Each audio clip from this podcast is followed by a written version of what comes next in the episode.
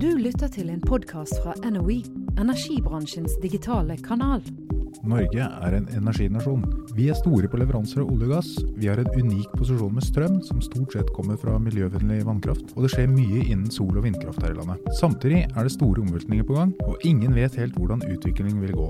Klarer energibransjen selv å være innovativ nok, eller kommer gründere og andre aktører fra andre bransjer inn og tar over? Jeg heter Anders Lie Brenna, jeg er ansvarlig redaktør i Energy. Med meg i dag har jeg fått med Per Ivar Nikolaisen, gründer og redaktør av skifter.no. De er nettavisen som tar pulsen på det som skjer i Gründer-Norge. Energibransjens ukeslutt presenteres av NOE Communication Conference, en konferanse for alle som jobber med kommunikasjon i olje- og energibransjen. Per Ivar, hvordan står det til med gründervirksomhet og innovasjon i Norge nå for tida? Jeg vil jo si at det koker.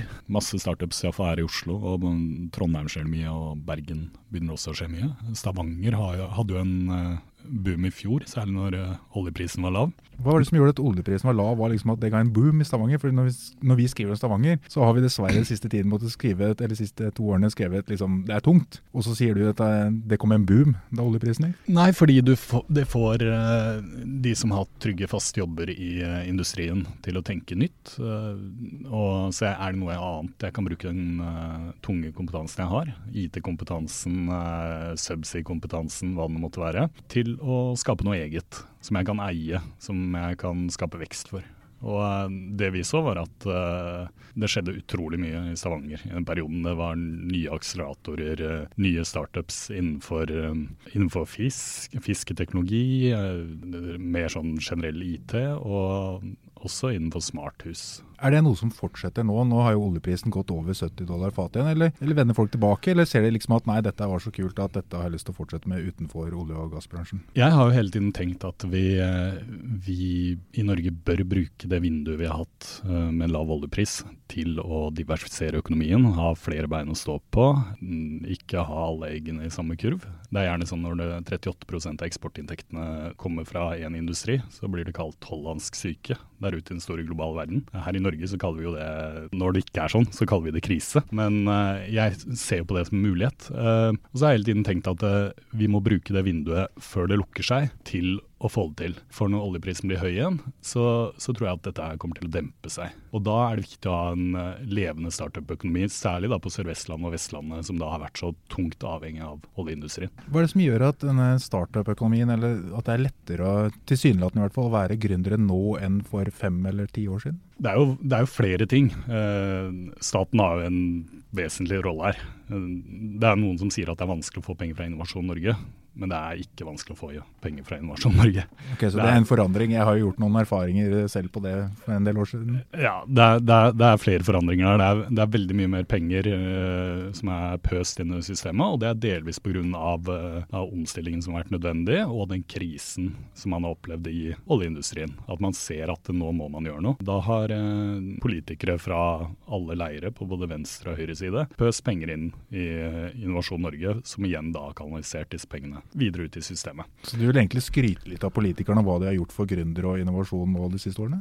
Iallfall på den Innovasjon Norge-biten som handler om tidligfase, så er det andre ting der de har veldig mye å gå på når det gjelder uh, endringer i opsjonsskatten, sånn at det, startups kan bruke det som, et, som, en kompensasjon for litt lavere lønn enn det man ellers har råd til etablerte bedrifter. Skatt skatteleggingen har gjort det vanskelig for eh, startups å bruke det som et verktøy. Men når det gjelder Innovasjon Norge og eh, den effektiviseringen de også har hatt i saksbehandlingen, der du har en sånn eh, elite avdeling borti Førde som da behandler søknadene på to-tre dager. Og veldig mange får ja hvis de har en ålreit idé. Så vil jeg si at det, de har gjort en god jobb. Det har jo vært slik at det har ofte vært relativt enkelt å få tak i et lite beløp i starten, enten Innovasjon Norge eller det er Friends, Family and Foods, eh, som man i hvert fall sa i gamle dager. Og så har det vært et tomrom før man er blitt stor og viktig nok til at venturekapitalistene kommer inn med penger. Er det en problem som er løst, eller er det Det er jo fortsatt sånn, da. Du kan si at det er, det, det er et tomrom fra sånn eh, 10-15 millioner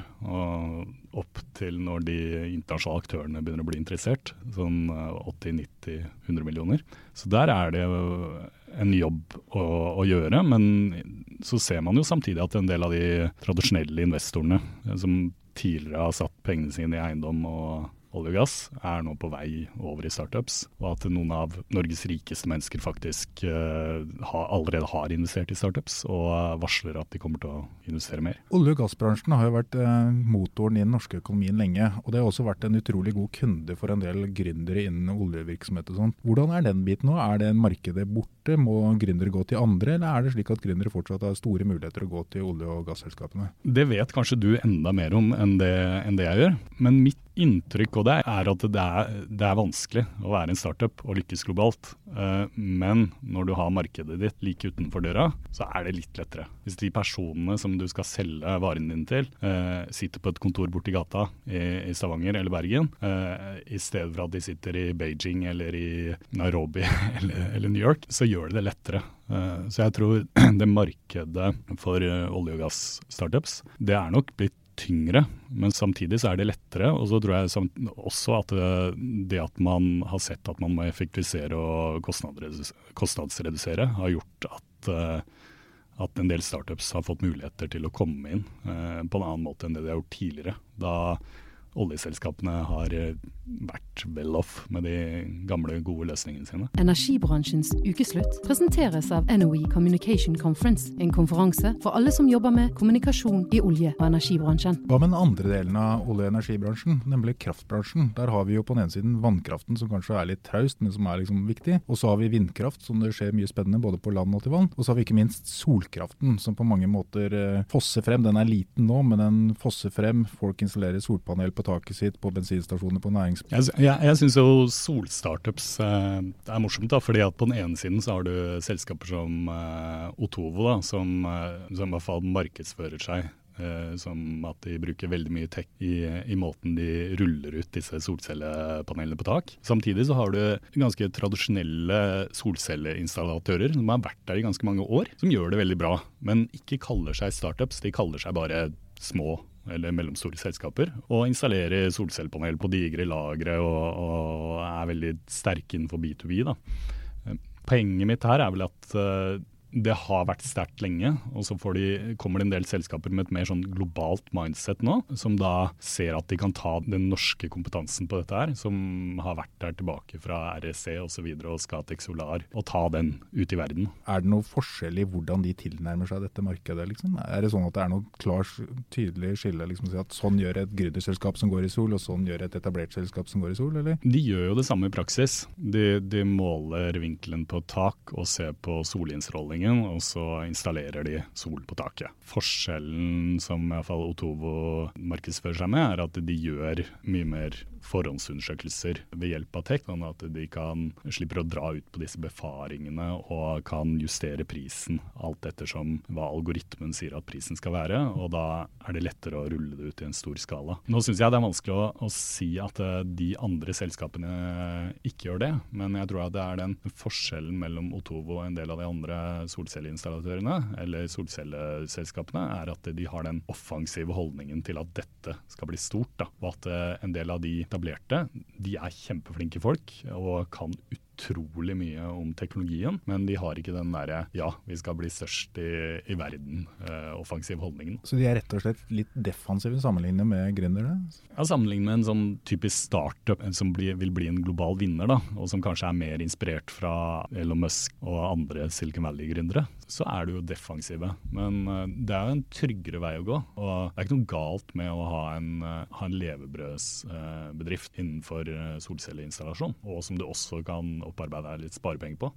Det som er Forskjellen fra Otovo og de andre, er at Otovo da går inn i Sverige og planlegger ytterligere ekspansjon ut i Europa. og å kjøre på. Da. Når vi snakker om eh, startups og innovasjon og sånt, og spesielt inn mot energibransjen, så sitter vi med inntrykk av at det er mer eller mindre IT-bedrifter eller IT-folk, IT-kompetanse, som går inn i forskjellige bransjer og sier at nå skal vi ta kunnskapen vi har og digitalisere den ene bransjen etter den andre, og nå er det energibransjens tur. Og så sier man ok, her er maskinlæring og sånt. Er det IT som er liksom fellestrekket for eh, disse startupene når de setter i gang? Det er digitalisering og IT, men jeg tror det er viktig for disse IT-bedriftene og startupsene å forstå hvordan markedet er. Det er sånn avgjørende. Hva er problemet? Du kan ikke bare sitte og programmere masse fancy teknologi og så tenke at dette kommer, til, kommer folk til å ta imot med åpne armer. Du må ut dit, og du må, må, snakke med folk og forstå det markedet som allerede eksisterer. Ellers så har du ikke noen sjanse til å drive disrupsjon, da, som det så fint heter på startup-språket. Maskinlæring fremstår som liksom det hotte og kule og sånt. og Vi har skrevet om kraftselskaper som bruker maskinlæring til å liksom analysere seg frem til når skal strømmen gå, hvor, hvor mye skal produsere. Vi har eh, oljebrønner som skal analyseres eh,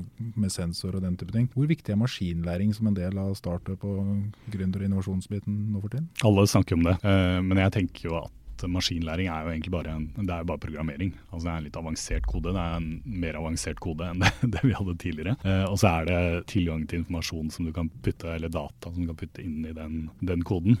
Mm. Som egentlig betyr noe. Du må ha den der big dataen, ellers er det helt meningsløst å drive maskinlæring. Det er jo en, eh, Jeg opplever at eh, de begrepene kunstig intelligens, maskinlæring, de, de, putter man gjerne på litt sånn for at uh, folk litt sånn utenfor skal skjønne hva det handler om. Mens de som er inne, inne i det og, og, programmerer dette selv, de ser på det som tradisjonell kode, men som er en, en litt fancy kode. Da. På Skifter.no så skriver dere stort sett om gründer og innovasjon som har ordentlige ambisjoner og, og internasjonalt og sånn. Er det noen forskjell, eller sitter dere med inntrykk av at energibransjen som liksom stiller med forskjellige kategorier, du har olje og gass, du har vannkraft, vindkraft, solkraft, er det noen forskjell på hvor de forskjellige delene av energibransjen, hvor aktive de er i dette miljøet? Eller, eller, er det kanskje ingen som er aktive i det hele tatt? Eller Hvordan opplever dere energibransjens uh, forskjellige delbransjer på startup-scenen? Jeg tror det initiativet ofte kommer fra startupene. At det er startupene som drar bransjen inn i startup-miljøet, mm. annet enn at det er andre veien. Uh, nå har du jo da uh, nevnte Techstars og Statoil som har, som har, et opplegg. der de, det er vel ti selskaper de, de inviterer inn. For meg så var det liksom Oi, nå, nå begynner de. et, slags øyeblikk. da. Men jeg har inntrykk av at de har sittet ganske lenge på gjerdet og venta litt. Grann. Og det gjelder hele bransjen? Det gjelder både kraftselskapene, det gjelder olje- og gasselskapene, det gjelder alle, liksom? Nå kjenner ikke jeg Cognite godt nok til å vite Altså Cognite med Jon Lervik? Ja, ja. Mm. det er jo maskinlæring, og han har på en måte kapra noen av de beste programmererne i Norge. Men jeg vet ikke hvordan prosessen var der, men jeg antar at det var fra at det var Lervik som kom til eh, Aker, og ikke omvendt. Energibransjens ukeslutt presenteres av NOE Communication Conference, en konferanse for alle som jobber med kommunikasjon i olje- og energibransjen. Eh, gjøres det da f.eks. noe til vannkraftbransjen, som er kanskje den mest konservative delen av energibransjen i Norge? Har dere noen eksempler på bedrifter dere har skrevet om som driver med innovasjon og startup på vannkraft? Det skjer jo en del innovasjon i, eh, i den bransjen, men jeg, mitt inntrykk Jeg har også jobba i Teknisk Ukeblad, i likhet med deg en lang gang i tida. Stemmer det. Eh, ja. I gamle, gamle dager. Gamle dager. Eh, og da var det jo eh, stadig vekk at vi hadde en del saker om eh, nye turbiner og effektivisering eh, rent sånn teknologisk på anleggene. Eh, men liksom den derre banebrytende startupen som kommer og snur opp ned på hele næringa, den har iallfall jeg til gode å se. Nå får dere bare ringe skifter og si ifra hvis, hvis, dere er der ute, men, men jeg tror det handler om at de er dette er selskaper som er uh, offentlig eid ofte, ikke sant. Altså, det er gjerne sånn kommuner, kommuner fylker sånn konservative styrer ikke mm. sant? som uh, er opptatt av å få den inntjening som alltid har vært der. Og da å sette av f.eks. en hel masse penger da, til å, til å gå gå offensivt inn og investere millioner av kroner da, inn i en startup f.eks.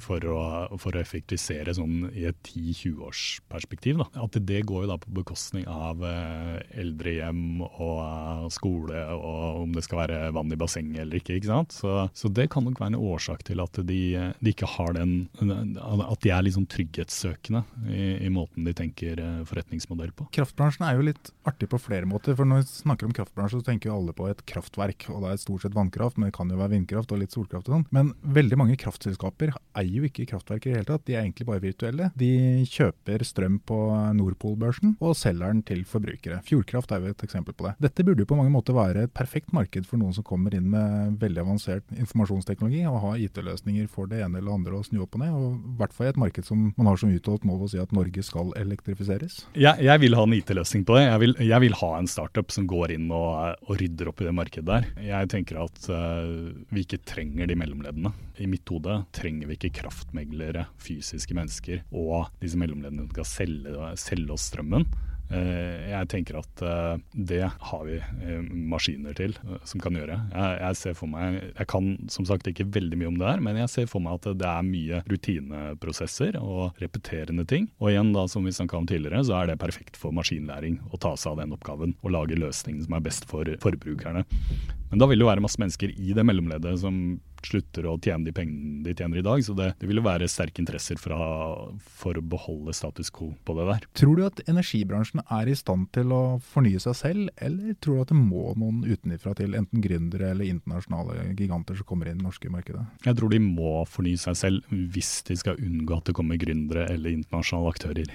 Men klarer de det? Ser du noe tegn til at det er noen offensive energiselskaper som sier jøss, yes, de er på hugget, de har skjønt det? Jeg tror, jeg tror energibransjen, og særlig store aktørene må endre mindset, og de må, de må, gå inn i det her på en åpen og inkluderende måte. De må bli kunder for små startups og gi små startups muligheter for å, for å komme inn, og det vil lønne seg for dem i det lange løp. Sånn at eh, det da de klarer å bygge opp en mur mot de store internasjonale aktørene som vil komme før eller senere. Hvis det ikke da ender opp med at hele verden uh, går inn i en slags proteksjonisme, sånn som de gjorde før de store verdenskrigene.